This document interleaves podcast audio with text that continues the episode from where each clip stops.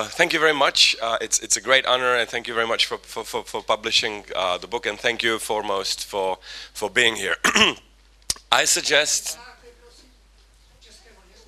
Well, I was told to speak in English, so I can also. Můžu. So, who wants English? Oh, okay, sorry. uh, it's a pity that Czechs and Poles have to speak together in English, but this is the way the cookie crumbles. So. But there's translation if you, uh, že překlad, uh, uh, and, and, that's available. So let me speak for, for some while. Let me speak for maybe 20, 30 minutes, and uh, then let's go into the debate. I would much rather use uh, this time to debate the issues that are um, at hand for you. But of course, interrupt me at any time while I'm speaking. Uh, that would be uh, more pleasurable for me than having a monologue. This is not the age of monologues anymore. Uh, it's the age of um, uh, interaction, and of course, wisdom should be found in mutual interaction between people that are likely. Uh, can you switch it off, please? I have a terrible feeling that somebody's watching over my back. Okay, so uh, let's uh, let's really see and start. I, I, want to tell you two stories: the fiscal policy story and the monetary policy story, from the perspective really of uh, maybe the, the, the, the, new myths and modern myths, just to show uh, how these things are really inter interconnected. So you know, today we are in a situation of having um, a depression, crisis, or whatever you want to call it. Now let's try and see the oldest ever business cycle in the history of mankind, and let's see if there's something that we can learn from it. So the question number one is, do you recall the oldest business cycle uh, in the history of mankind?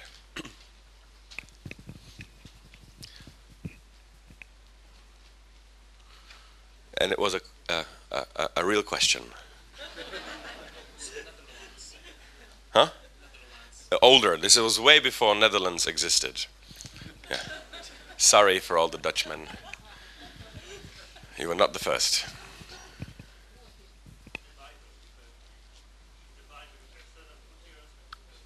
Excellent. Yes, this is Genesis 41. Uh, the first book of Moses is the first um, ever business cycle in the history of, of mankind. There is nothing older than this. So, you know the story. Everybody knows the story, except to connect the story is, um, is uh, rarely done. So what happened? Just to recapitulate, uh, you know, Pharaoh has a dream. He dreams about, you know, seven fat cows. I always have to be very careful not to look on anybody. Well, seven fat cows and, and seven lean cows, and um, he doesn't know what to make of it. So he calls for, for Joseph and says, Can you please explain what this means? And Joseph says, Congratulations, Pharaoh. You just had the first macroeconomic prediction in your dream 14 years ahead of time. So, can you, can you, can you switch it? Yeah, good, good. So, so uh, in other words, you're going to have seven years of uh, fast grain, or today we would say GDP. Uh, and after that, you will have seven, seven bad years. And Pharaoh says, Well, thank you very much. Um, now give me an advice what to do with it. And Joseph says, uh, Well, it's quite easy. In the good years, do not eat everything that grows, so that in the bad years you will not die of hunger. In other words, build grain houses and store your energy uh, in them. This is called saving. Uh, when I lecture to my American friends, I always remind them that this word still exists in Wikipedia, and it basically means that before you buy something, you go through this purgatory of actually having to limit yourself um, in your consumption, and then, of course, invest it. This is a word that we know already very well. Invest the energy uh, into into the bad years. In other words, here we are manipulating with energies and we are shifting them in time. Okay, so far so good. Uh, um, what is the morale of the story? What can we learn today? Well, first of all, uh, the reason for the business cycle.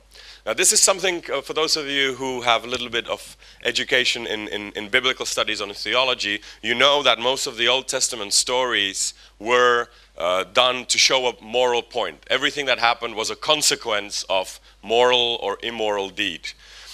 This one is one of the rare exceptions. It is not explained why this happened. This is a legacy that we have till today. We cannot say what really causes the business cycle, what really causes uh, the crises. Of course, we have many theories, but none of them explain it uh, to the point that you can actually predict it. The second question is what revealed the future? So, Pharaoh had a dream. What reveals the future today? Models or science. Okay, now if you look at it, this seems to be very distant from each other. Dream is subjective, it's fuzzy, it's uh, non-scientific, and it's um, uh, um, very difficult to understand. It kind of takes in many things, and you you dream um, in in pictures, cows in this sense. Whereas models are supposed to be objective, verifiable, empirically tested, and um, uh, objective. But if you actually take a second uh, thought about it, there is not such a huge gap between dreams and models. What do I mean? Well, let's uh, let's take uh, Rene Descartes, the well sort of uh, founder of, of scientific approach. He started this whole approach using also dreams. So he dreamed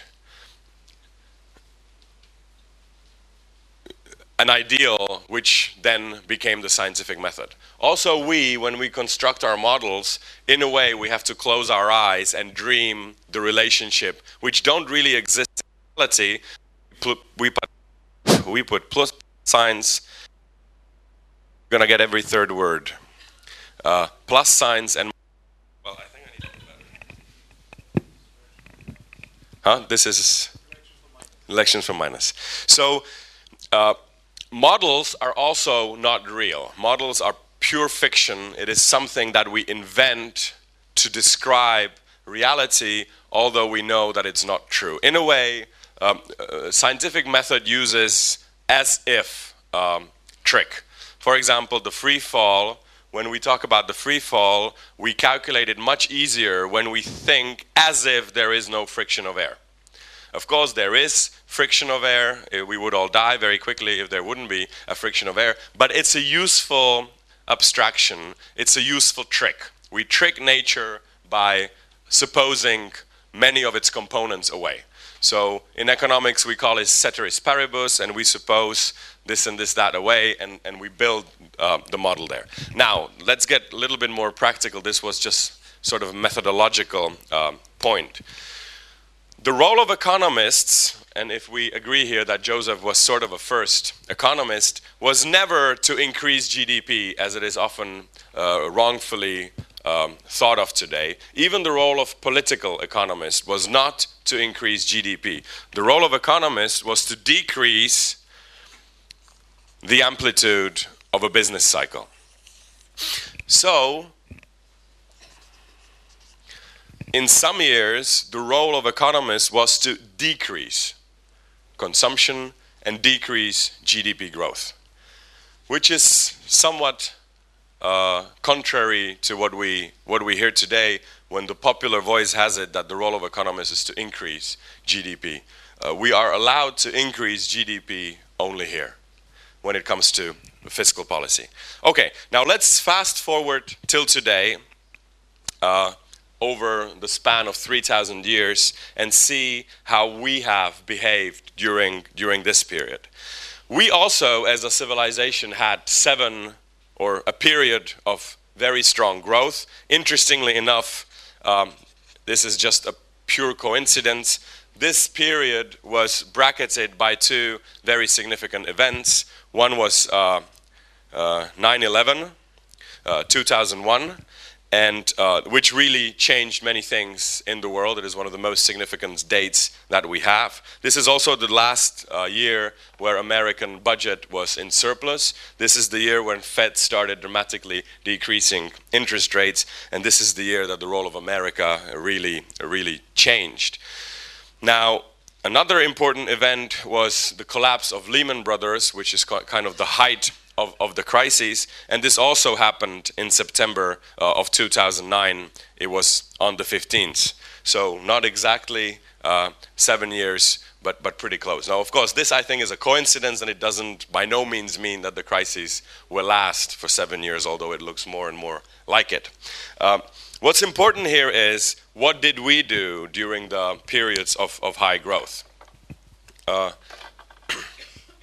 am I speaking slow enough? Yeah? Okay. Um, during these fat years, uh, and I could easily show you the graph, but I don't have it with me. Majority of our civilization not only consumed everything that we had, in other words, enjoyed the GDP growth to the full, but on the contrary, uh, we actually often went into debt. So Fourth point is um,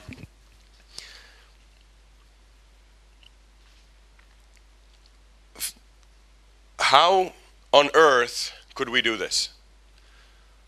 The very message, which is 3,000 years old and which we know for a long time that the economy goes in cycles, we kind of threw that away, and with all our sophisticated econometric models, we were sort of unable to see something that um, or a story uh, or something that, that we know the economy behaves like this. Um, first of all. Second of all, this story is something that we tell to seven year old ch children, and yet it carries with it more wisdom than I think is the con con conventional wisdom of economists. Because what we've done today, this is sort of Keynesianism in a way. Only Keynes, from today's perspective, would be an extreme right winger. We, with our macroeconomic policy today, we are left of Keynes. Uh, and the best way how to describe today's uh, political economy is uh, Keynesian bastard. We've taken that you can run deficits, but we, because it's a little too confusing, we were running deficits pretty much uh, even during the good years. So Keynes allowed deficits in the lean years, providing that you save up for them before or you pay them back shortly, shortly after. Mm. Of course, in terms of monetary policy, oh, let's start with fiscal policy. Fiscal policy, this means running budget surpluses, uh, and this means running budget deficits. As you can see, surpluses and deficits is something that allows you to uh, transmute energy in time, making it a uh, little more bearable in the bad years. And in terms of uh, monetary policy, this is also easy. Um, here you uh, increase interest rate, uh, yes, interest rates, and here you decrease interest rate. This is, of course, economy 101. Now, uh, let's have a situation, uh, let's take a look on the situation from, from the vantage point of these two, these two hands. These are the only hands really the government has in terms of macroeconomic policy to influence somewhat the development of economics. Now, monetary policy, and here I will also tell a story, so this story I wanted to illustrate with, a, with an old story, and this story I will illustrate with a, with a modern myth, and that myth is called Lord of the Rings.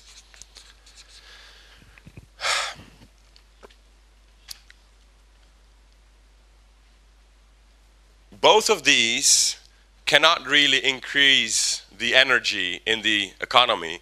Both of these are sort of cheats, if you want. The only thing they do is they uh, manipulate uh, energy in time. So monetary policy. Okay, if you take a loan, it looks like you're taking a loan from a bank or from a friend or from uh, maybe your uh, mother-in-law. But what you're really doing is you're just reshuffling your future consumption, taking it away, and laser pointing it to present. So if somebody takes a loan of 10,000 euros, only a fool would say that that person is 10,000 euros richer. It's a loan. But when the government does this, that's exactly how we perceive it. So government takes a 3% uh, of GDP deficit in one year, and let's say that same year GDP grows by 3%. If an individual does it, no, need, no, no reason to celebrate. When a government does it, everybody, including the analytics, analytics, jump up and down celebrating that we are 3% richer. It's a loan. So this is not GDP in terms of gross domestic product, but it's GDP in terms of gross debt product. These 3% were not really produced by anything else except by, by, by debt.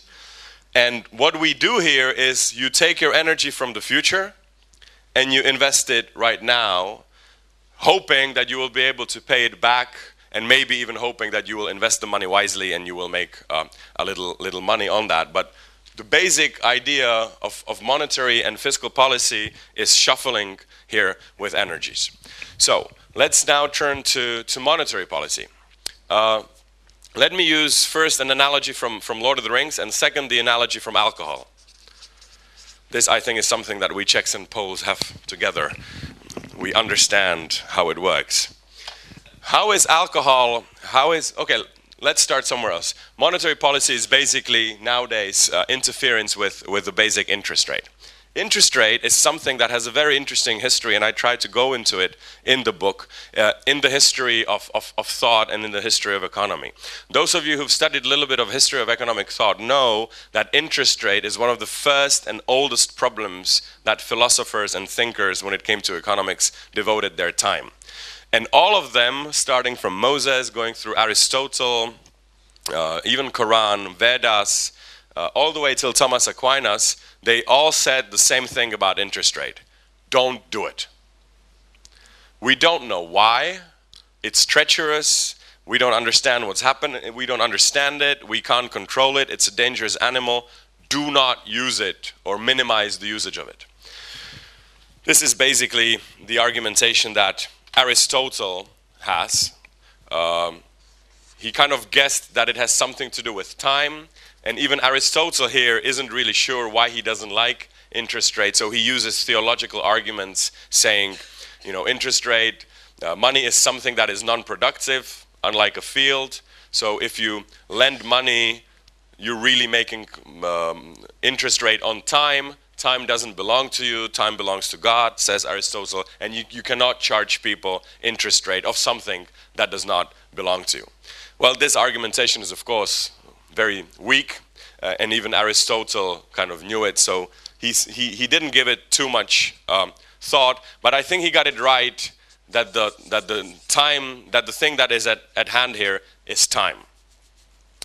We today have made interest rate a core um, component, a pillar, if you want, of our societies. Not only practically, our society today would be practically unimaginable without interest rate, without, without loans. But also in theory, be it manipulation with monetary policy or you know, calculating wages, in theory, we, you have to know the interest rate or the marginal rate of productivity of capital in order to, to, to, to, to sort of come to terms with, with uh, marginal productivity of labor or, or wages.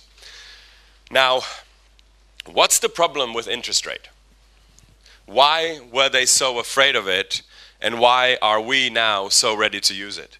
Well, I think the basic problem with interest rate is, again, uh, a dangerous manipulation with, uh, with time energy. Money travels in time. So, you know, in Star Trek, the sort of beam me up, Scotty, uh, we already have that today, and the transmuting machine is called interest rate. If we didn't have interest rate, you could not shift money in time so easily. Now, how is interest rate similar to alcohol? Well, alcohol can also uh, time travel energy. Uh, it, it can do so only over short distances of time, usually one or two days.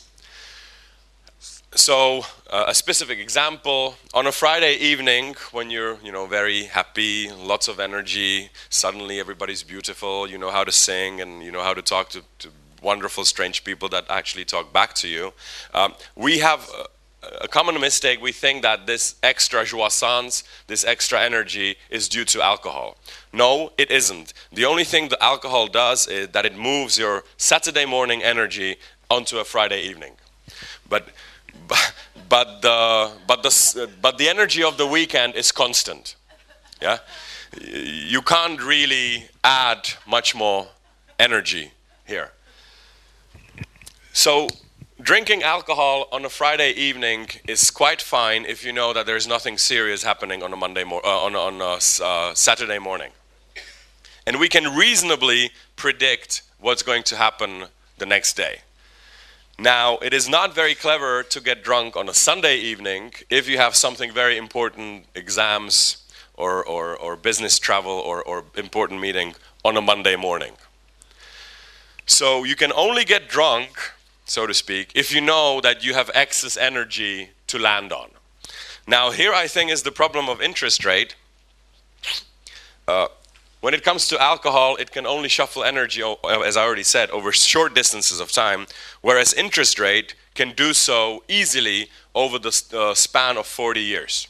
And the thing is, we never know, we fundamentally will never know, no matter how good our models will be, what will happen 40 years later, and if, unfortunately, we might land up with a hangover onto a very important Monday morning, and then, of course, that will have its, uh, its terrible results. Last analogy, and then I will wait, and then I will end. This is, of course, only one story I chose to pick. Um, if you have something very powerful, uh, sometimes it's better not to use it. In Lord of the Rings, there's a actually talking about the Lord of the Rings. As an economist, if you read the Lord of the Rings, you immediately have to ask yourself, okay, this trilogy is called the Lord of the Rings. So the proper question is, who is the Lord of the Rings? Who's the CEO? Who's the boss of the ring? So who is the boss of it? Well, who's this book about? Who is the boss of the, the ring? Is he really? Does he own the ring? Does he master the ring? Yeah, but does he use it? He can't. The whole book is about him being unable to use it. He would very much like to use it, but he would very much like to own it. He created it, uh, but he doesn't own it, and he uh, he can't control it. He seeks for it. So who's the Lord? And uh, in fact, if you go down and look at the pecking order, if you destroy the ring, you destroy Mordor. So, who is the Lord of the Rings? Hmm? The ring itself, exactly. This is called, in uh, psychoanalytic psychology, object petit a. It is something that was created to be controlled. It gets a life of its own. As you know, the ring has a will of its own it gets alive and it starts controlling you. Now, this is an ancient uh, archetype, pretty much like we, in one of the oldest stories, God created us, we got out of control. We created something, machines, ring, whatever, it got out of control. You can see the same motive in Matrix. We've created some machines to slave us, blah, blah, blah, something happened. They got a life of their own and now we are enslaved to the machines. Same story from uh, Aladdin and his lamp. He had the jinn to serve him. At the end of the time, the jinn got out, or artificial intelligence, AI. Again, we created robots. They got the life of their own. They started having their own blah blah blah. You can go even Kundera. Kundera's stories are all linked around one basic topic. Somebody, usually a man, starts usually a sexual game with a female because he thinks it's a game, he can control it, blah, blah, blah. Something happens. At the end of the time, the man is a slave of that game. He can't help it. He must, the game is playing him. so to speak. So from a puppeteer, you become a puppet. Um, unbearable lightness of being is a good example. Uh, or the, well, anyway, most of his stories are are built around that. Or I don't know if you've seen the movie The Mask with Jim Carrey. That's a good example. The mask starts controlling the the owner. Okay, so what to do with the ring of power that is too big a temptation to be controlled. Please mark that none of the great wizards and all the great minds in uh, Tolkien's stories never touched the ring. Gandalf never touched the ring. Galadriel, Elrond, uh, Aragorn didn't touch the ring. Why didn't they? why didn't they use it? This was Boromir's idea. Let's use the ring yeah, they were afraid that this would be so tempting that it would be a temptation too difficult for them to carry.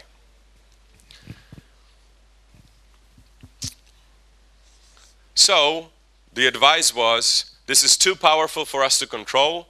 It can control us. The ring must be destroyed. Same thing happened with monetary policy. When politicians had the right to print money at will, it became a temptation too difficult to withhold. That's why monetary policy had to be destroyed and given to somebody who is politically independent and who's actually ignorant of what you can do with printing money. Pretty much like Frodo and Bilbo, they had no clue what they're carrying, especially Bilbo. He thought that it was a sort of a joker ring that is nice to entertain your company during, during parties. But he had no clue what he has. So, our civilization, first of all, created, uh, sorry, national banks that are independent, except for in Hungary, um, of, of, uh, of, uh, of politicians. And the second step, most countries in Europe actually adopted the euro, thus making monetary policy even more independent of any national political interests. Now, what's the difference between, okay, and again, the reason is let's just imagine that you in your university, right next door, you have a legal money printing device. Which one of you would not use it? You can just come there and print as much money as you want. Nobody's going to stop you. You all know, because you're studying economics sometimes, that with every single uh, zloty that you print, you are adding to general inflation, but quite frankly, who cares?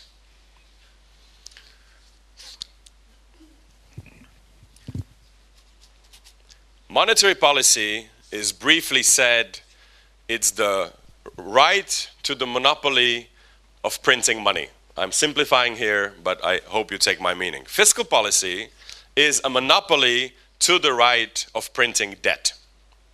Now, the problem of Europe is that we are exactly in the middle. This power has been destroyed. This power is full at bloom.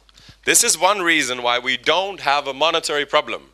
We don't have a problem with inflation. We don't have a problem with devaluation we have an excessive problem with debt. Why? Because one hand is tied behind our back and we're trying to do everything we can with the debt hand. And the debate as of today is whether we should lose both hands so that we can fight the crisis even with um, monetary policy, or whether we should also tie the second hand and destroy, so to speak, the ring of power of, um, of the fiscal policy. Because at the end of the day, this is printing debt. Uh, sorry, this is printing money. This is printing debt. Uh, you end. There's no reason why politicians this this should have been um, uh, confiscated, and and this still exists. Uh, right. So um, let me let me end here, uh, and let's go into the debate. You haven't been interrupting me, so I was very brief. Okay, so this is just one uh, example from the book. There are many like this, but please don't restrict your questions to this only. I open uh, all sorts of debates. If, it, if you reach a topic that I don't know, I promise I will say I don't know. Okay.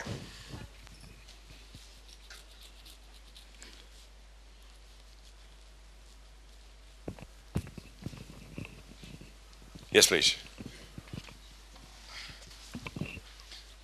Michał Biego, University of Warsaw.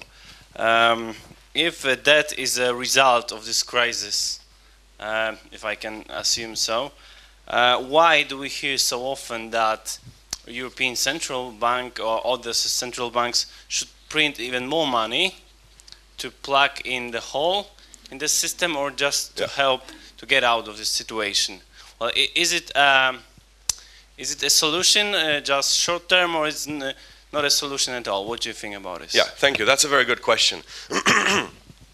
Making European Central Bank printing money is really giving up the independency of the national of the European Central Bank in a way, because politicians are interested in, uh, in in doing this. This is what's happening in America. Fed is, of course, less independent that, uh, than, than ECB, and Fed is also responsible not just for price stability like ECB, but Fed is responsible for two things uh, unemployment rate, keeping it low, and uh, price stability. So um, Fed has a more difficult position. It has two dogs, so to speak, to, to hunt. Now, uh, this, I think, is a solution of sort of last resort. I don't think we're there yet.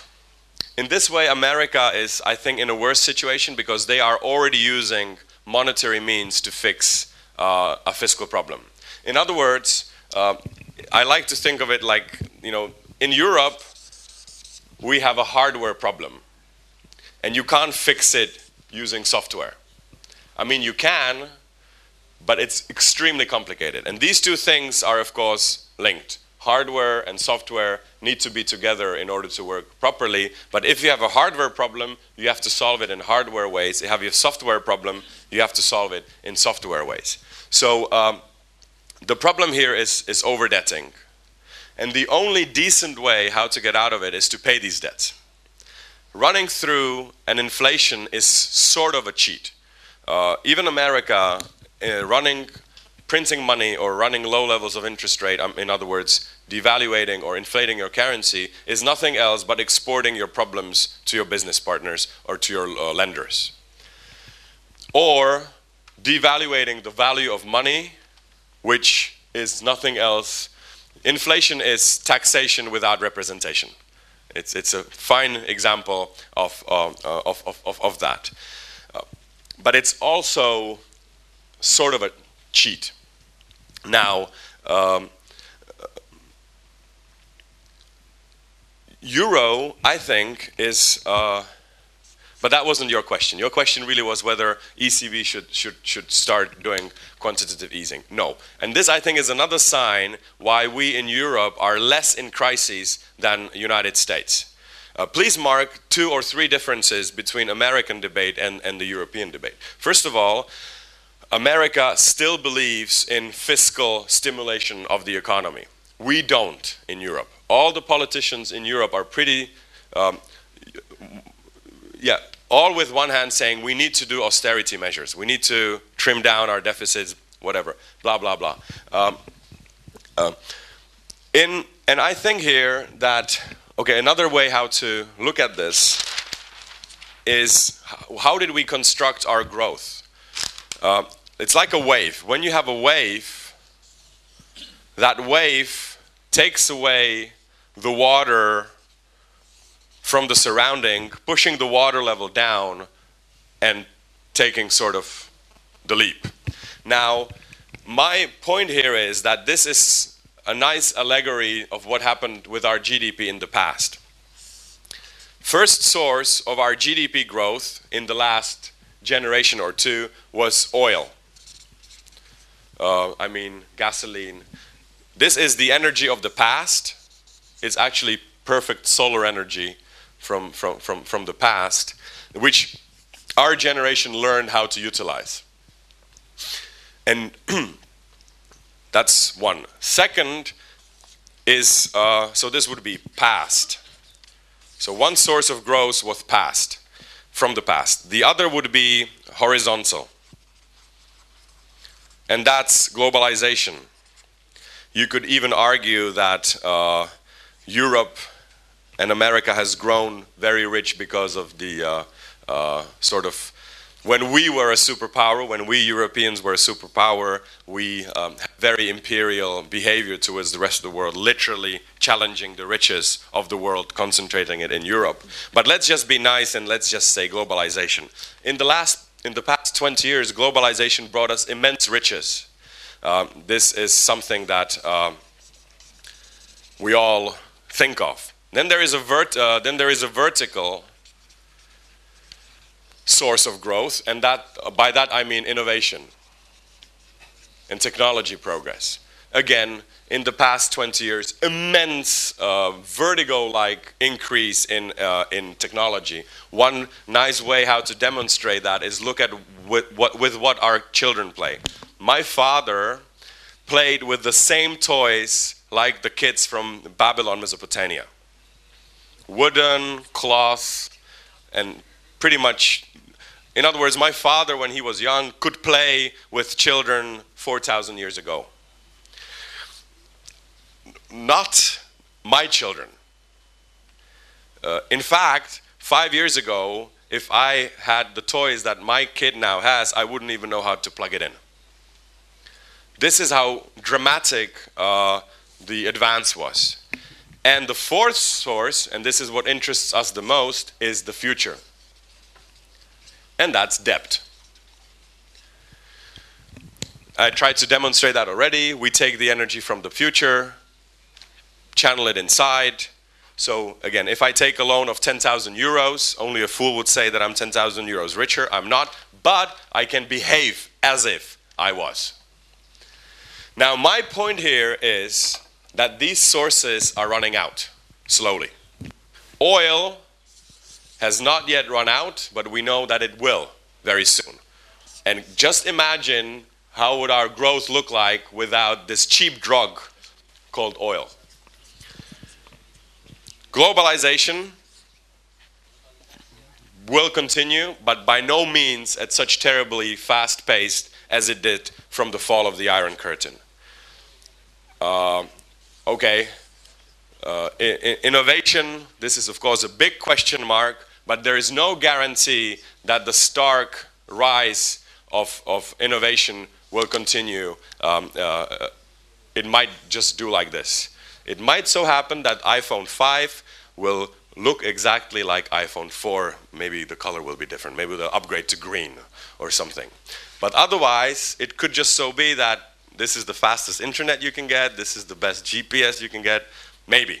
But this is a big question mark. What is not a question mark is that we also run out of debt.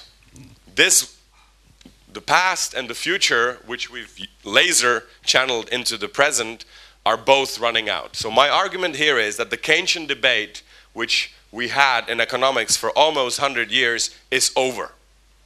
The debate whether you should or should not stimulate economy by the usage of deficits is over because there is no more maneuver space for any more growth of uh, public debt. We can see this in Greece, we can see this in many other countries, we can even see this creeping into the heart of Europe in Germany. Poland does not have uh, much more maneuver space when it comes to increasing your debt. We can maybe four or five more years of this, and then the well, uh, like with oil, will be run dry.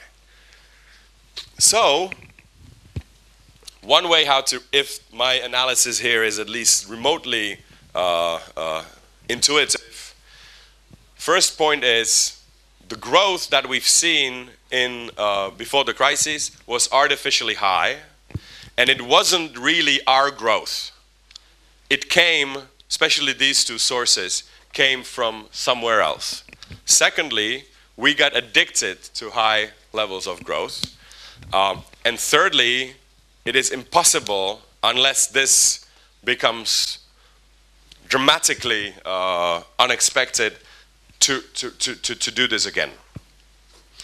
Um, one other way how to read this is a wrong diagnosis of what's happening today. The diagnosis today is that we are in a depression, that the economy is depressed. I think this is exactly wrong uh, diagnosis. We are not depressive, we are manic depressive. This is uh, the uh, uh, diagnosis of today. Why, what, what is it a difference? It's a hell of a difference because um, if you have a depressive patient, you give him antidepressives, you increase his moods. And if you have a depressive patient, it's good news when his mood is going better. If you have a manic depressive patient, it's not necessarily good news that his mood is getting better. Because, because you may run into another sort of mania. So, how do you treat a manic depressive patient? You give him or her stabilizers in, in order to decrease his happy moods and to increase his, um, his mood when, when, when, the time is, when the time is low. Um, so, you know, people often ask me, when will the new age of growth come again? And I say, well, first of all, maybe never. And second of all, if this happens, let's imagine we invent something really cool. Then we should do this. So the imperative of the past was max GDP. The imperative of today, and I can even, I think one can even feel it in the political debate, is minimize debt. In other words, in the past, we have been selling stability, buying speed. Now we need to do exactly the opposite. We have to start selling uh, growth and buying stability. if you endeavor into money printing, it's, um, it's a sort of a lender of last resort. I think we Europeans should really try to solve a hardware problem by hardware means. Um, dismantling the euro or printing uh, more euros is uh, the, it, well, dismantling the euro I don't think is the solution to crisis. I think that would be the beginning of crisis. If we dismantle the euro, we will be looking back till today as a prelude to, to crisis. Uh, so, yeah, inflation solution, fine, but uh, first of all, most of our debt is internal, so it wouldn't help all that dramatically. And secondly, we don't have to do it yet. Yes, please.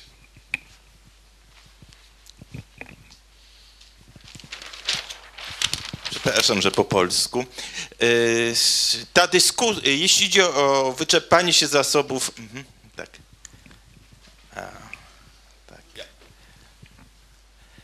Jeśli idzie o wyczerpanie się zasobów ropy naftowej, to pogłoski są chyba lekko jednak e, przesadzone. Natomiast do naszych beanów. E, wybór. Dodrukować pieniędzy czy nie dodrukować? To Stany Zjednoczone właśnie to zrobiły, żeby nie spłacać długów i narobiły jeszcze większych długów. E, Europa tego nie zrobiła, bo nie mogła. E, nie mogli tego zrobić politycy, ale tu jest pytanie. Kto dostanie połapa? I to jest pytanie o odpowiedzialny wybór. Bo jak dokonamy złego wyboru, to my dostaniemy połapa. Albo dostaną go Amerykanie, no to wtedy my będziemy wygrani. No, nie może być, że tak różne drogi prowadzą do tego samego celu. Więc to jest bardzo poważne pytanie. I drugie pytanie o to, spłacanie długów, czyli krótko mówiąc zaciskanie pasa, bo nie usłyszałem o zwiększaniu podatków, bo może to jest odpowiedź.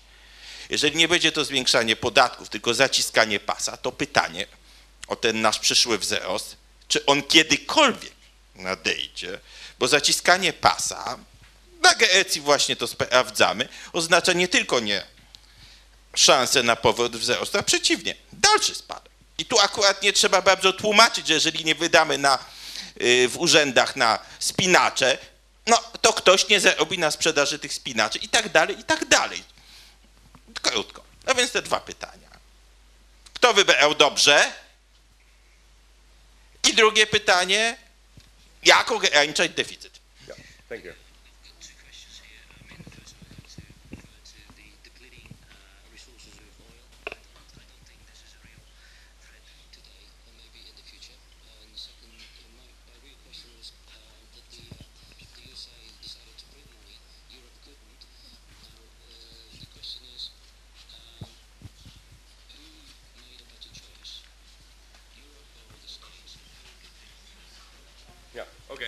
Thank you.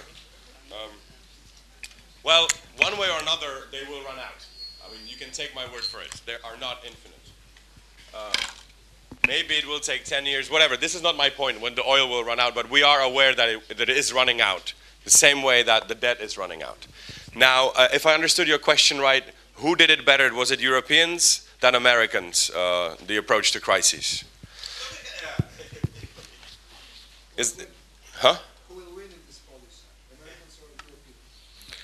Uh, okay, that's a good question. Well, uh, this is a question about future, so I would actually use my right that I don't know.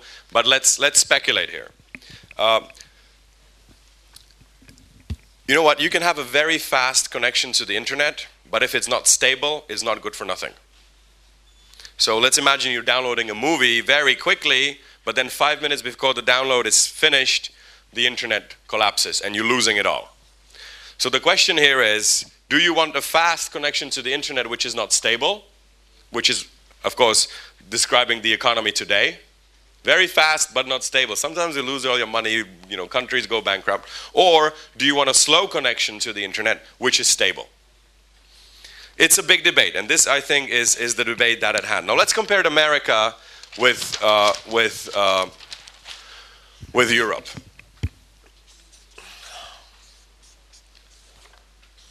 Okay, please mark that America has been downgraded. Biggest European economies have not. So if we are to trust the rating agencies at all, which of course is a huge question mark, but they still do have a say. In fact, they have much larger say than the population does. It's you know four people who sit around the table picking their noses, saying, "Oh, maybe we'll downgrade France."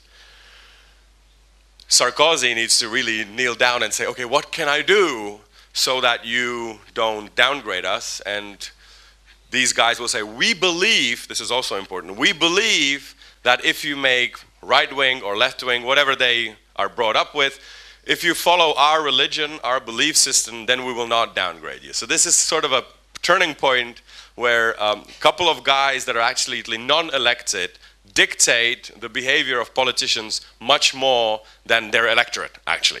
Whether this is good or bad, I leave without comment, but uh, it seems to be uh, significant. So, downgrade. Secondly, uh, dollar faces the risk of ceasing to be the reserve currency. Euro is not a reserve currency, so we don't have to face the risk. And this is a serious, uh, this is a serious risk. Thirdly, sorry. Thirdly, America, Europe here is much more conservative than America in its practical policy. First reason, we are doing austerity. And secondly, we are not doing uh, QE, quantitative easing. America is employing all it can to save its economy. It's doing uh, deficit financing. This is Paul Krugman, is the main kind of uh, ideologist of this, and they are doing quantitative easing. One, two, three, four, five, whatever.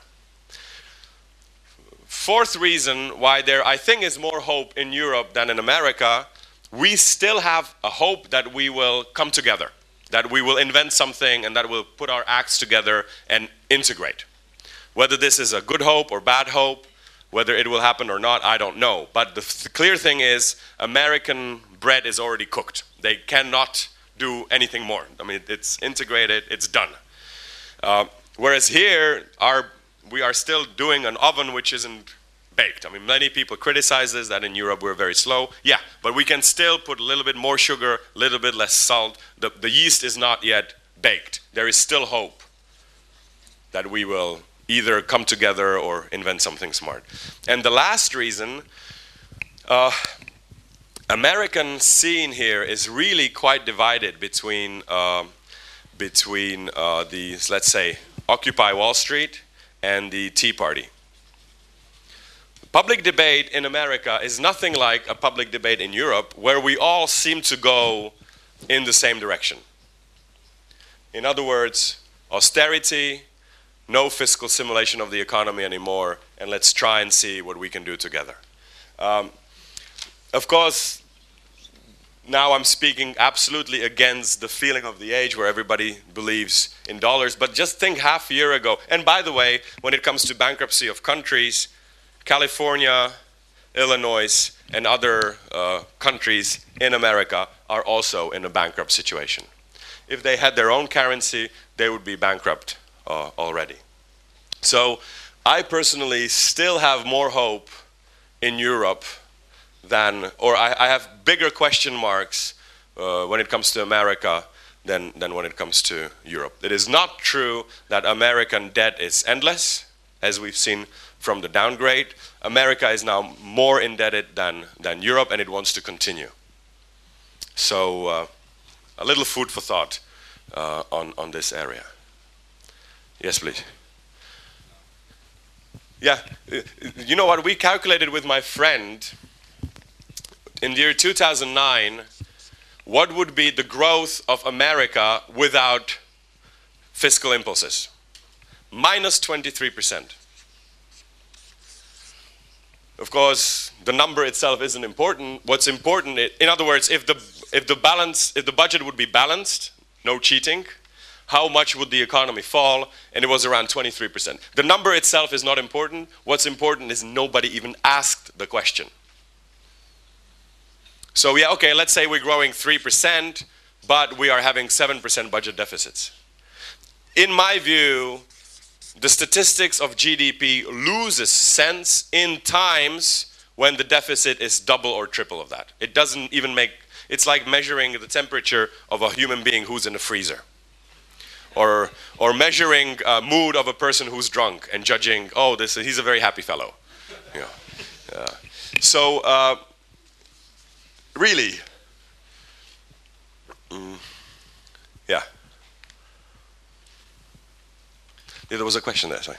Okay, uh, I would like to get back to the alcohol story, okay? Uh, it's my favorite. Um, so, you see, I think the, we, are, we are talking about uh, macroeconomic perspective, and of course I think I merely agree with you, but uh, if we talk about microeconomic perspective, we have the yep. situation like this. I am, let's say, in your age, a little younger. Thank you for and that. It, that's, that's good. That's good age. Uh, and I am at a party, and I'm having a lot of alcohol, and I'm about to have this supreme overnight chat with my beautiful and bright classmate. And who's a female? Of course. Yeah, okay. you know. I mean, as you like it. Today it's okay. Uh, she, let's say she's a female. Yeah. Okay. Uh, so uh, I'm 20, and it's very fine perspective. If I were, were, let's say, 70 years old, it wouldn't be so nice. I would be able to fall asleep or do something like that after a small quantity of alcohol. I think many gentlemen here disagree with you. Uh, I know, but we know, as we are all here, the perspective of consumption uh, is uh, tempting when it's real, and we have some life cycle ahead of us.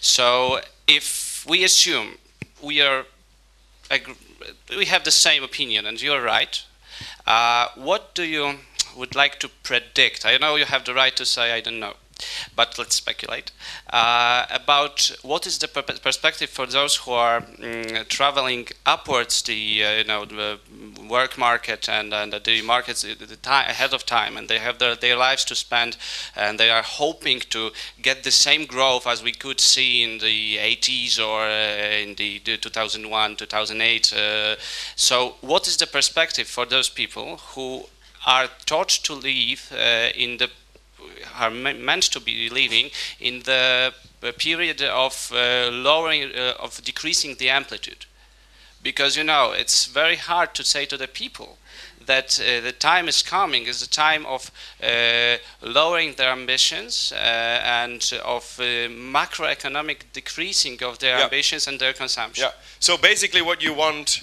or what we want is to have this. You know, this would be very nice. Huge manias and then no depression. This is impossible. It cannot be done. Um, and, and regarding to your question of the life cycle, it's an interesting um, and also quite telling story of today. We even in English we say how to spend your life. Um, in, in, in. So this is the way a life cycle looks like in modern societies. Let's say here you are maybe 25, and here you are 65. Uh, this is the curve of how much money to spend you need. Yep. And this is the curve of how much money you will make. or maybe even. this is the retirement age. So, in other words, you need most money when you are in our age. If you're 20, I would like to join your group of being similarly aged. You need new car, you need a new flat, you need a new family, blah blah blah blah blah. Of course, you don't have the money. You will earn more. Most you will become a CEO uh, when you are 50 or 60. Now, how to deal with this? Again, interest rate. So we live in houses that are not ours. This is called um, mortgages. We drive cars that are not ours. This is called leasing. And we use computers that are not ours. This is called. Uh, and uh, so this works fine in case this hill is bigger than the red hill. The problem here is we don't know. This could be like this because you just, somebody else becomes the CEO. Uh, or uh, oil will run out, or the crises will hit us again, or you will break your leg, God forbid. Uh, this is one way how to read also the financial, the financial crisis. Of course, our individualistic way of living is great, but both these parties must be sober. Uh, the lending party and the borrowing party. If we are not, then these things will, will happen auto, automatically. Also note here, uh, I always have this uh, lecture when the paying of taxes comes. Please note that half of your life you do not pay taxes. Okay? 25 years here, 20 years here, it's pretty much half and half. Uh, so, you know, it's a little relieving thought when you think how high the taxes are. You're really paying them only half of your life. Okay, now how to explain this to, to, to new people? Uh, one more example. Let's imagine that European Central Bank or Polish National Bank, Polish National Bank is taken out of a democratic system in a way. In other words, people do not vote for your governor. Let's imagine that people would vote for the governor of the National Bank. In other words, this would be a tragedy because let's say you would have two candidates. One would say, I guarantee you employment, money increase, all the money to the doctors and fire alarmers or whoever needs, no problem. I have a printing machine there, you see. And the other guy would be, and if you elect me, I guarantee you price stability. so, you know, probably, I don't know how well you are doing here in Poland, but in Czech Republic, the first guy would win. Nobody cares for price stability. Uh, really. this is why this needs to be taken out, sort of, from direct or even indirect democracy, and these guys are sort of not part of the political cycle. The same thing needs to happen, I think, or this is one way how to solve the problem with fiscal policy. And I'm coming now to your question how to explain this to people. If you give these two things away, you don't have to explain this to people. People are not complaining against the government, oh, you should print more money, we need more money. This is, by the way, one reason why the bailout of Greece, the most recent bailout of Greece, is underdone by International Monetary Fund rather than European Commission, because it's fine for the Greeks to hate the International Monetary Fund, and you can't really go striking in front of the uh, Greek parliament against the IMF. Maybe you can do that for two days, but then that's that's, that's, so what you need to do, and part of our modern democracies are made uh, or, or, maintained due to the fact of useless, um, uh, non-productive violence. That you hate, but you can't do anything about it. Let's give an example. Let's imagine that, that you, know, you all agree that you want these American rackets here in Poland. Just democratically, 85% want that. Good, we've decided. Now, the second question is on whose backyard shall we build it? If I let that, okay, guys, you are democracy, you deal with that yourself, you could probably kill each other over it. You know, you would hate that village, would hate this village, you would create coalitions. It's easier for me as a politician to say, it's going to be your backyard, sorry, baby. Because you're going to hate me and not everybody else. First advantage. And second advantage, this hatred is useless or it's futile because you're not, you, you cannot really knock me down. I'm a politician, I have immunity. And the further away this violence, this useless violence, is channeled, the better. So politicians should have the right to determine who to tax and who to give the money to. This is, of course, something that we need to have democratically determined.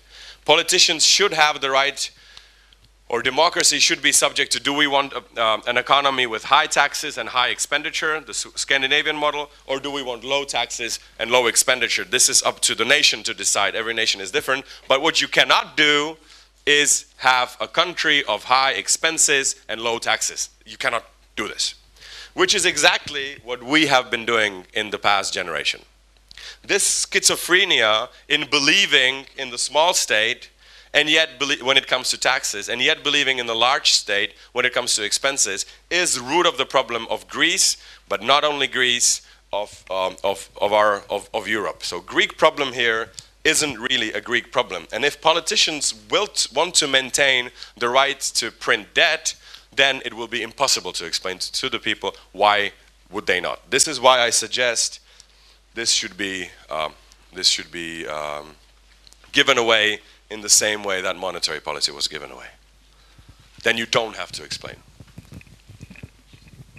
Uh, thank you very much for um, uh, mentioning about uh, generally the um, consumption problem because uh, what's the problem is not only economic crisis I think it's generally the crisis of the um, of the um, today's world because uh, well generally, the, what's the aim of our life? It's only consumption, and we need money. We get huge mortgages, we get uh, loans for new cars, and we only want to spend. We only want pleasure. That's why it's uh, there won't be. Uh, we won't find any solution before we start reflecting what should be the aim of our life, uh, and uh, probably there should be other things than uh, just consumption, because we need money. We need those mortgages. We need debt to consume. We, and we need it um, like immediately and everyone uh, needs it. Well maybe in Europe and in most of the European countries uh, mortgages and uh, all the credits were not as easily accessible as in the United States where even unemployed people could get a mortgage for a few years time I think.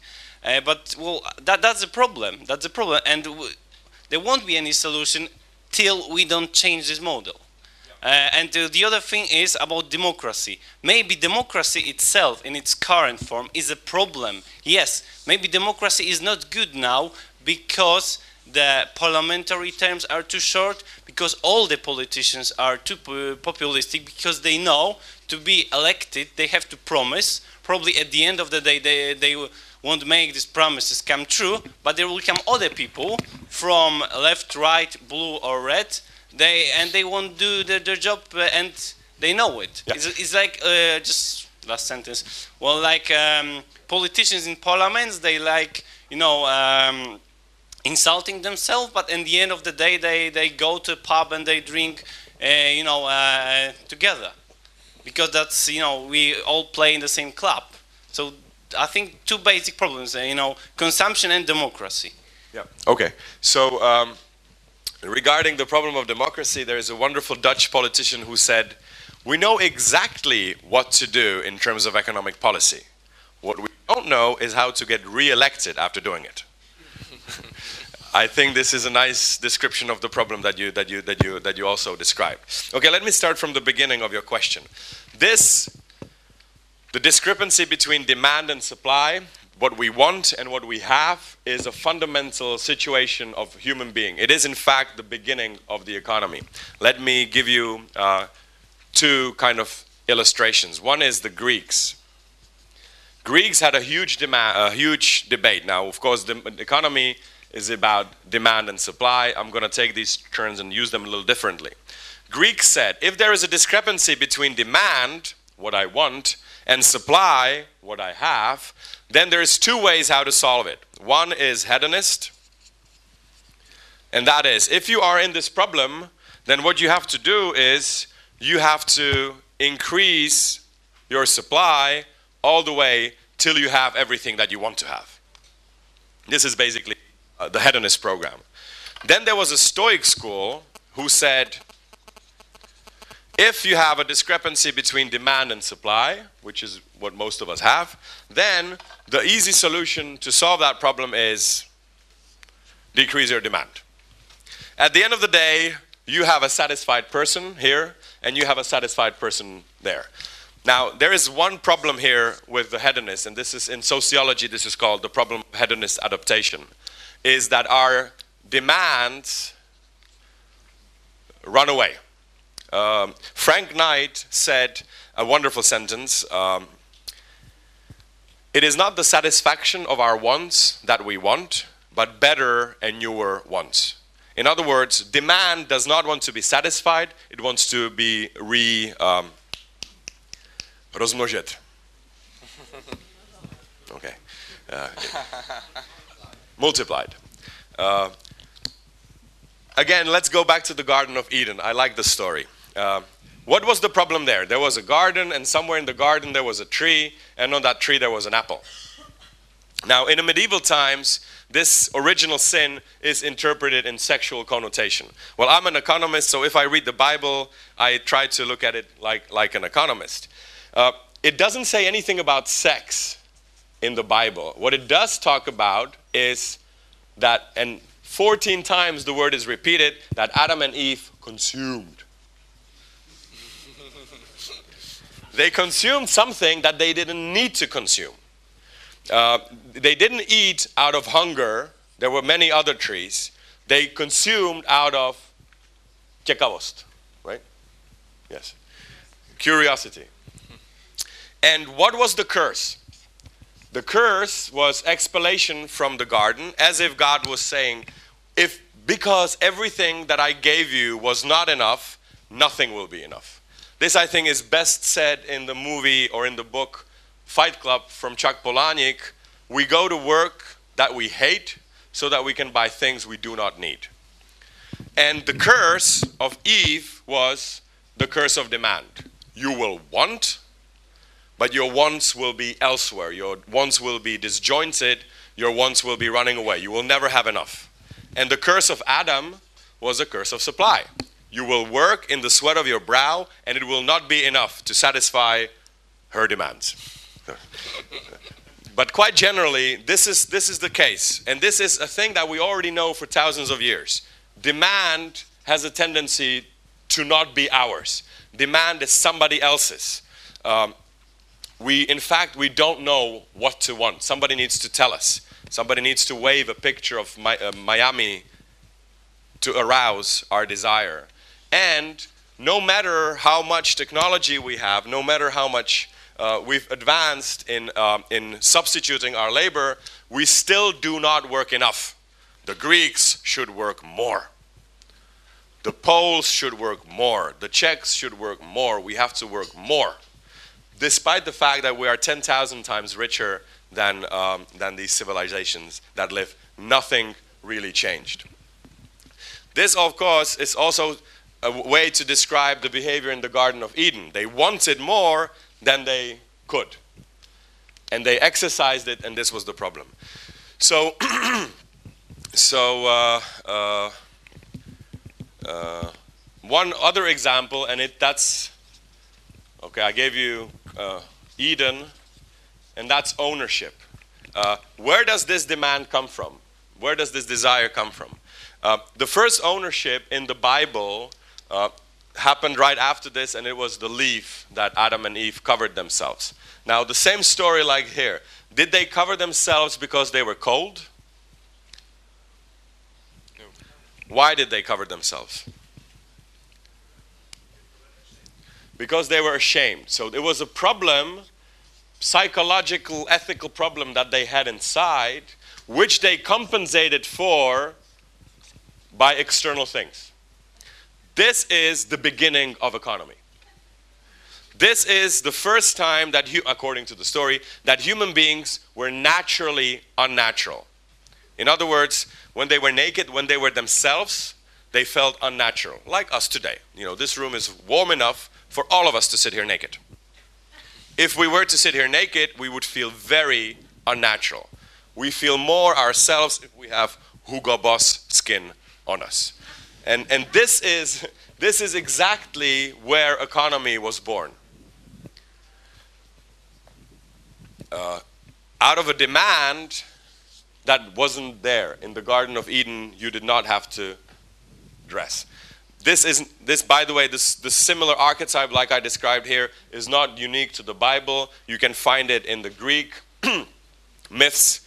Uh, uh, uh, in Techni, when Prometheus is giving knowledge to human beings, he also disturbs certain harmony.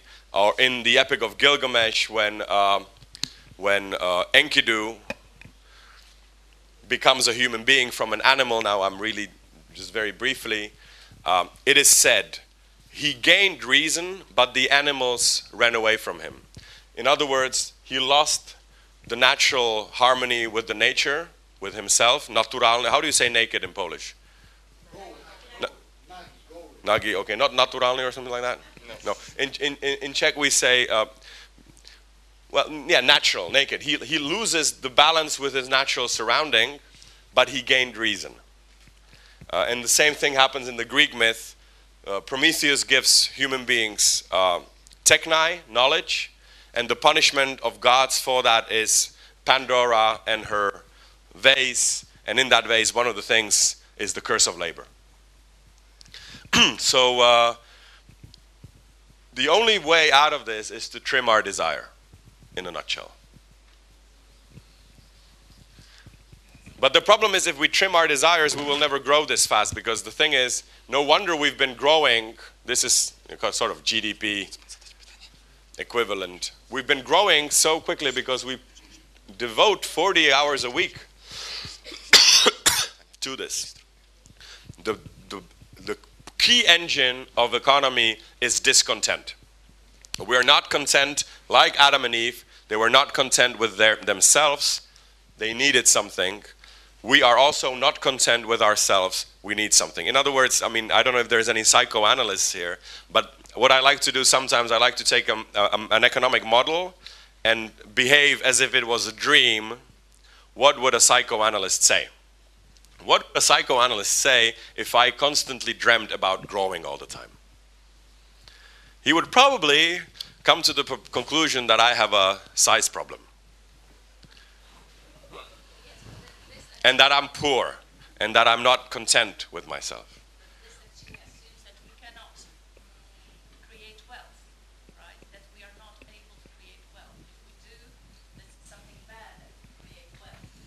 Well, we are able to create wealth in our own eyes. Wealth is always, you know, there's nothing special about gold, only we all think it's very special.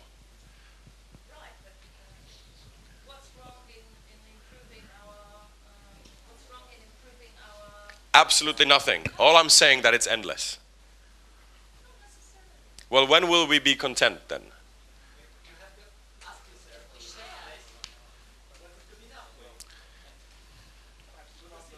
Right. This is how economics started, by the way. Adam Smith, uh, Ricardo, Thomas Malthus, uh, even Keynes, even Schumpeter in a way, and unfortunately Marx. And this you will maybe recall the steady state, uh, capitalism as a transitory uh, to this. The economics actually started the way they really ignored the growth period. I mean, to Marx, this is just capital, you know, it's just a transitory to, to communism. It's not important, but let's study this. Where is this? the same thing with Thomas Malthus, the same thing with um, most recently um, um, Keynes. I don't know if you've read his uh, Economic Possibilities for Our Grandchildren, which I highly recommend.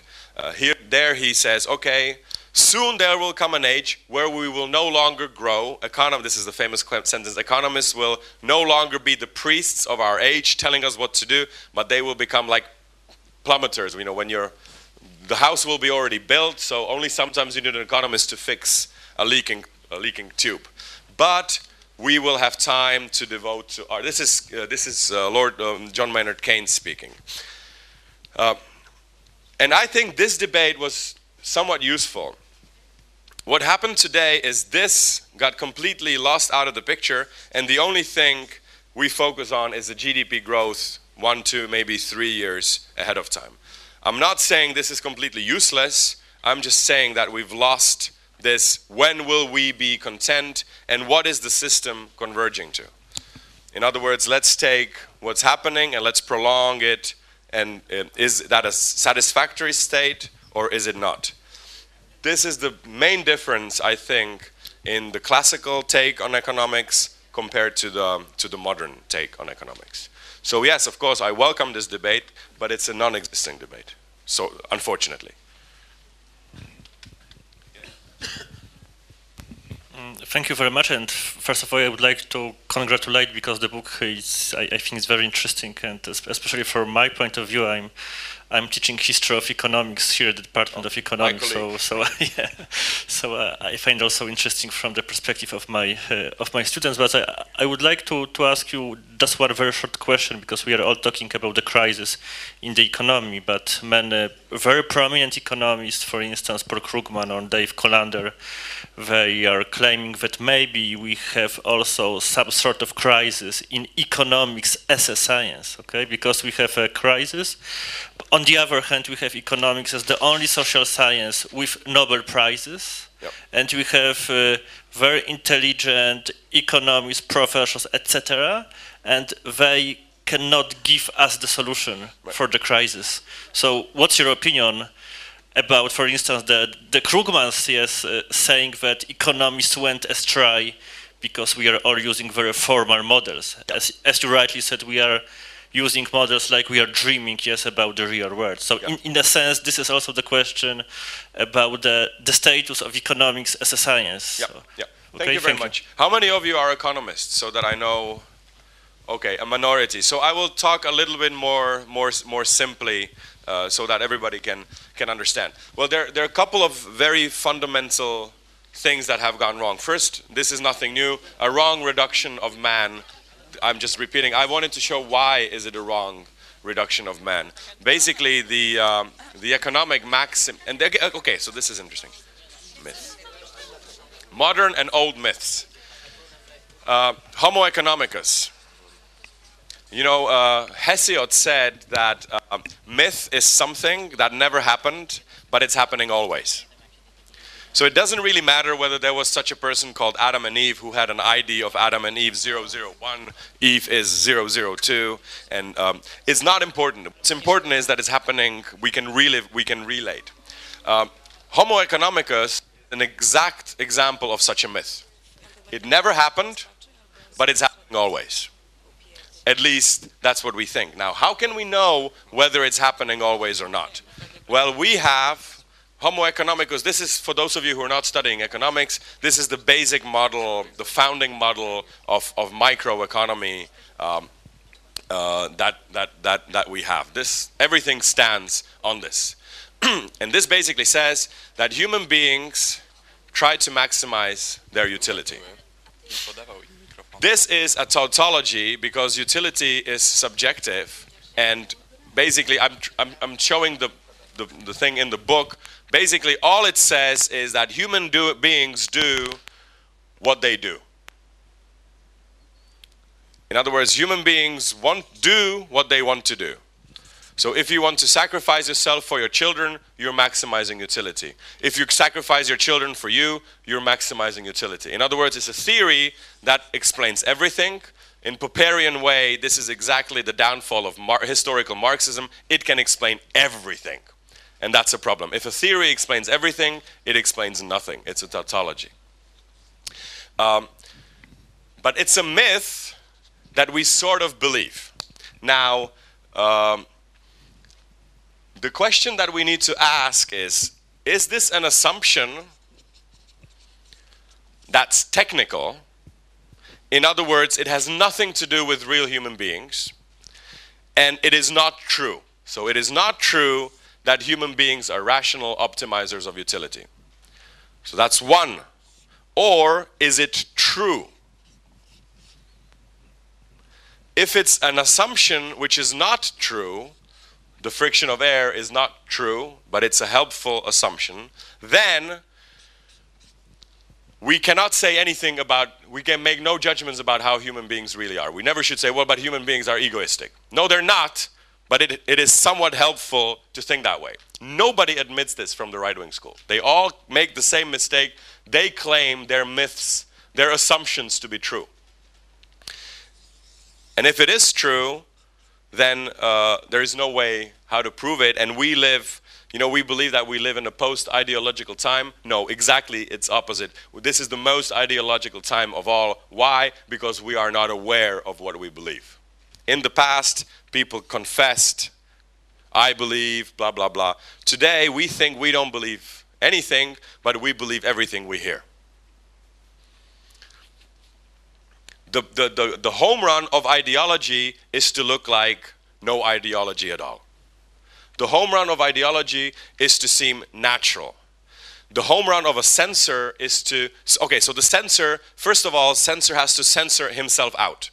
If I told you that Polish newspaper, one Polish newspaper is censored, you would not trust any of it. In a country where frowning is banned, the most genuine smile is not genuine.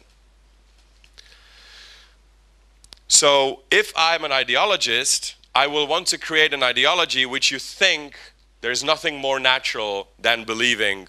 It's not, in fact, believing, it's knowing. And this is the, the, the fundamental mistake. Okay, but let's get to economics. I think this is the difference between uh, one fundamental problem of economics compared to, for example, physics. When physics builds its cathedrals, its theories, they build scaffolding around it.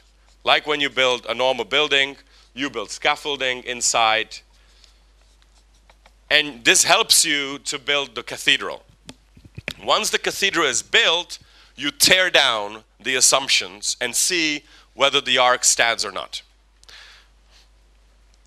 What I think, this is my fear, that happened in economics, we built a, pyram- uh, uh, uh, chapel out of scaffolding alone take away from economics the assumption of, of, of, of, of rationality and, and, and it all crumbles to pieces. In other words, we are very sensitive to initial assumptions. If you change your initial assumptions by 5%, the whole thing tilts. This is not the way it's supposed to be. Um, a second problem with economics, and then I will go to a more specific uh, example of interest rate misunderstanding.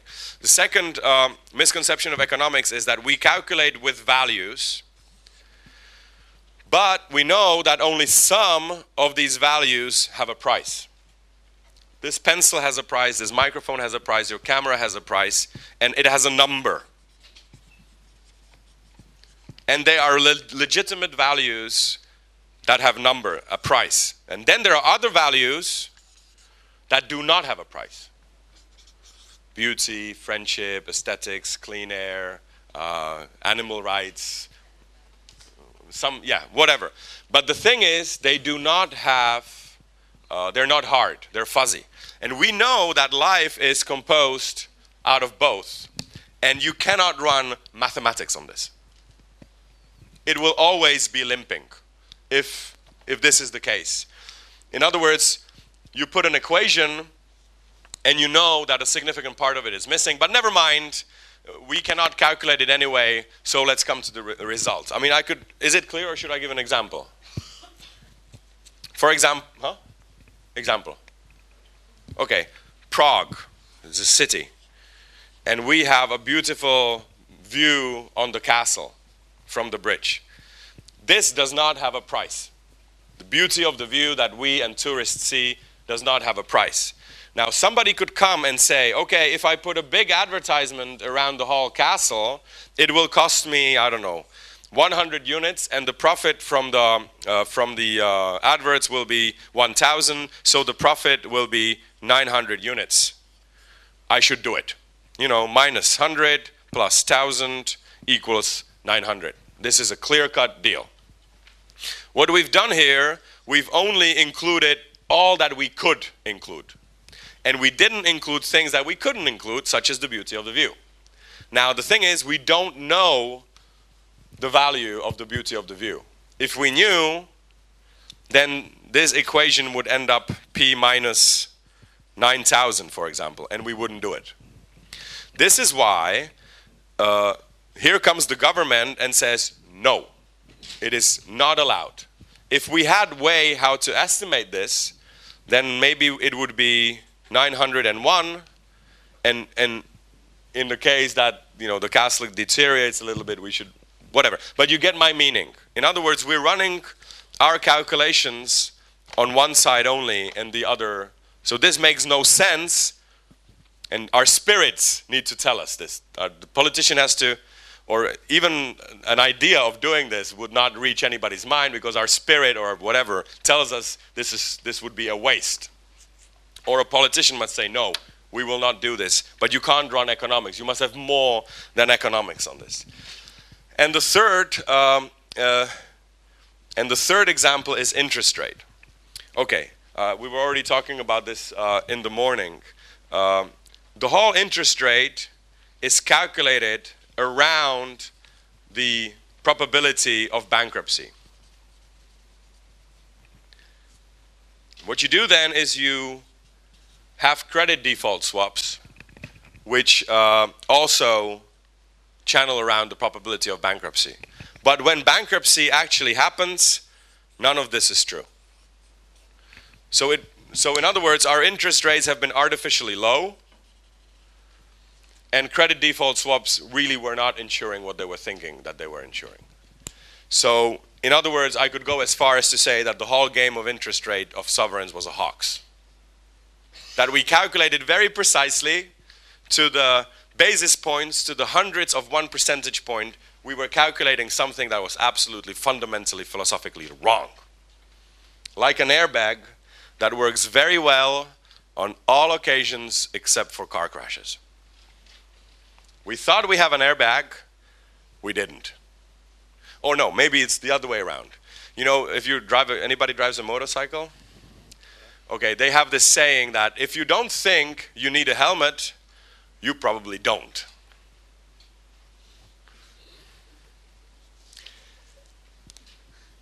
So, uh, yeah, just briefly, methodologically, uh,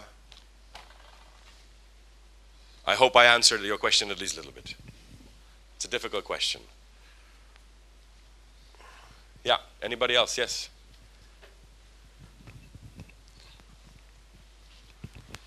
Uh, hello, I'm a student of the Department of Exo Economics of University of Warsaw. Uh, I happen not to agree with you because uh, if I buy, uh, for example, a computer, uh, my utility of buying the computer uh, is what can I do with it? So I can somehow translate it to money for myself, and it's the How about case. your girlfriend? Can you translate that into money? Uh, well, that's a tricky question, but uh, I'm afraid I could do this. I happen Okay, to, so what's the- I what's the value I of your to believe that we can, in fact, perceive everything that surrounds us in terms of money. For example, if I uh, if I have left my wallet only with money in a restaurant, and now I'm on the on the other side of the city, and it's raining badly, let's just say. So depending on what is the contents of my wallet, I may go back to the restaurant and take it back, or leave it there. Absolutely. So it's the time, it's weather. This doesn't translate directly to money, but still I can make a decision what to do. Yeah. So even it's, if it's not a conscious decision, we can always somehow value things. Well, the case of external effects, that's that's, that's the mm, quite common issue in economics. So, uh, Yeah. you, you know you know you know where I'm going right now. Uh, well, but you're not going anywhere further than I did because I said there are No, certain values that you can calculate. For example, the value of your wallet. This is an easy case. yes. But there are other values in our lives that we cannot put a price to. You cannot trade them. your girlfriend you wouldn't trade for. No, I wouldn't. You would? No. Okay, there you go. So, um, but that's my personal valuation. Yeah, but you can't uh, evaluate. Okay, let's imagine you come to your. Let's okay. Let's take another example. This is the market, and this is your family. But if I, if I may interrupt you because I Yeah. had a more serious question and supposedly Okay, so we're wait, scar- we are scar- scarce of time. So uh, let's let's let's uh, drop this issue. And uh, my question direct would be is that microeconomics uh, failed us badly. That's that's I think my uh, lecture in fact asked you uh, uh, that what is now the new, new new way new approach of economics to handle things because microeconomics failed us uh, experimental economics was quite an uh, intriguing uh, thing for, for for a couple of years but still doesn't uh, Yeah. doesn't give us uh, the results so what next is is this uh, generalized and aggregated microeconomic uh, approach that that that's the that will be on academic agenda of economics? Yeah. Okay. Let, let me first just very briefly treat your first question. Uh, look at the way we behave in family. We function very well, yet we don't use prices. We exchange things. Father gives his son food, and the son gives a little painting, which is worthless. But you know, for the son, for the father, of course, it has huge value. But family, or maybe technically speaking, it would be possible to have market in the family. It could be possible to have market between friends. You know, let's imagine you're my friend. I ask you to help me move the couch. You said, okay, how much? You do it implicitly. You, you know, maybe you help me next time, whatever. But the thing is, and I'm not doubting, these are real values, but they work better if they don't have a price. Family works better, friends work better. We actually go a long way to pretend as if money didn't exist when we go to a restaurant, you know, I pay this time. Or if you, if you help me move my couch and I gave you 100 zloty, 112 zloty for it, you would be insulted. If I gave you two bottles of wine worth 112 zloty, you wouldn't be insulted. So we must pretend. And why? What's the difference? The price of the two bottles of is fuzzy. It's not exact. What it, what insults you is the exactness that I paid you 112. This is your worth. This is your price. So certain things cannot be measured via money. If they are, it, it's a it's a perversion. It's sort of we don't feel right, and it works better if it's fuzzy. Okay. That's what I meant to say. And your second example was. Um, the second question, oh yeah, what to do? Yeah, okay. So for example, let's take behavioral economics. Behavioral economics is great fun because all that it does, and this is the way we teach economics, which I love. For the first two years, we teach students religion. And then, after two years, when the neophyte has been indoctrinated enough, we tell him, okay, now your faith is strong. There are also other religions, but beware you know, they come from the devil. And we call them alternative schools of thought. Uh, um, and basically, this is how, I mean, correct me if I'm wrong, maybe we do it differently in Czech Republic than here. This is the way economic education looks like. For first three years, we repeat uh, the religion of, of Samuelson. And then, for those advanced, we go to paradoxes. These paradoxes are no paradoxes at all to anybody who hasn't been indoctrinated for three years. People give each other gifts. How can they do that? You would not be surprised if you didn't, for three years, read Samuelson. So, at the end of the year, you pretty much. Uh, a, a, second trick this is the trick that Samuelson uses. Uh, in this indoctrination because it has to look like science. Samuelson uses three pages to prove a little miniature mathematical proof of interconnectivity of, of preference, whatever. And then, and he goes into small little details, and at the end of the day, it's QED, it's mathematical, it's the absolute truth. And then, somewhere in between these three pages, he says, Human beings are free and rational. Let's continue. How could you Simply say that. You, I mean, you would have to study 2,000 years of philosophy in order, and still we haven't come to the conclusion whether human beings are rational. David Hume, who was, by the way, also an economist, happened to believe that reason is a slave of passions. So it's an unclear debate, and I wish he would debate everything so diligently like the transversality of preferences. But he doesn't, and this is a trick, and you jump over this very easily, and at the end of the day, you feel that this is the truth that cannot be moved. Uh, the assumption is markets are efficient, blah, blah, blah, blah, blah. The conclusion is markets are efficient. The assumption is human beings are rational, we go through a lot of mathematics to conclude that human beings are rational. Is this not the method of economics? May, um, often. You know, we say shit in, shit out. Okay, do we have time for one more question? Okay. Ostatnie pytanie. Good. Oh.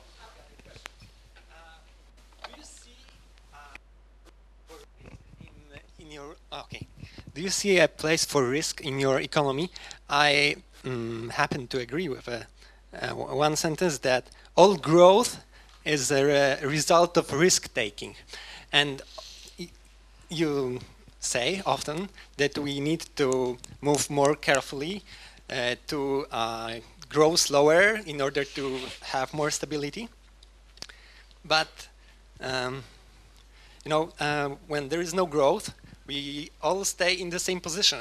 And for some people, that, that is very uncomfortable position. Yeah, yeah. We may stay in our position because, you know, uh, it is a nice place. We are at the university. But, but for many, many people, that is the place they're currently in is very un unsatisfied. Um, yeah. Okay. Yeah, um, just so that you know, this is tobacco, okay? uh, anybody who's interested um, uh, can, can test it. Um, yeah, um, that's a very good question. Yes, of course, we live in the risky world. You cannot go home without facing certain amount of risk. In fact, even sitting on that chair, you're facing huge risks because, I mean, look who's sitting next to you, you know. And um, uh, yeah, I mean, risk is fundamental. The problem is that we try to minimize risk. The home run of a model is to minimize risk. The, really, what you want from a model is to give you an answer to, to, to risk taking that will be minimized. Once.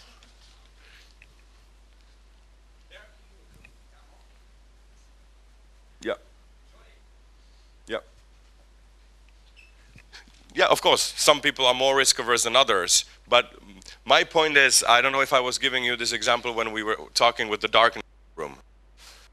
Okay, so let's imagine that this, the, the, the lights here shut off and we appear in complete darkness.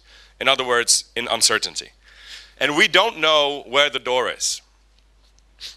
And now my question is, would it be useful if I stood up and I said, I know, I know where the door is. Follow my voice. It's right here. And you would believe me? So what I'm doing here, I'm artificially faking certainty in a situation of fundamental uncertainty and you would all run very quickly, the speed that you were referring to, and we would all hit the wall. If I didn't fake certainty in a fundamental uncertain environment, what would we do? We would go down on our knees and hands on all our fours, and we would very slowly, I'm quite sure we would meet very many new people on the way, um, we would find the door. So all I'm saying is, if we live in an uncertain world, we should stop pretending that we can um, behave as it, if it was certain. And this is exactly the problem with the risk models that we had.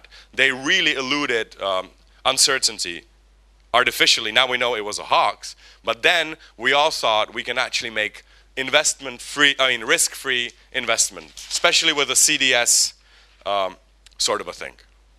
So this is, all I'm saying that we should go slower and we should actually have more risk uh, um, uh, yeah, we should admit that the, the world is riskier than we think. This will lead to more careful investment. Tomasz okay. Sedlaczek, dziękujemy pięknie.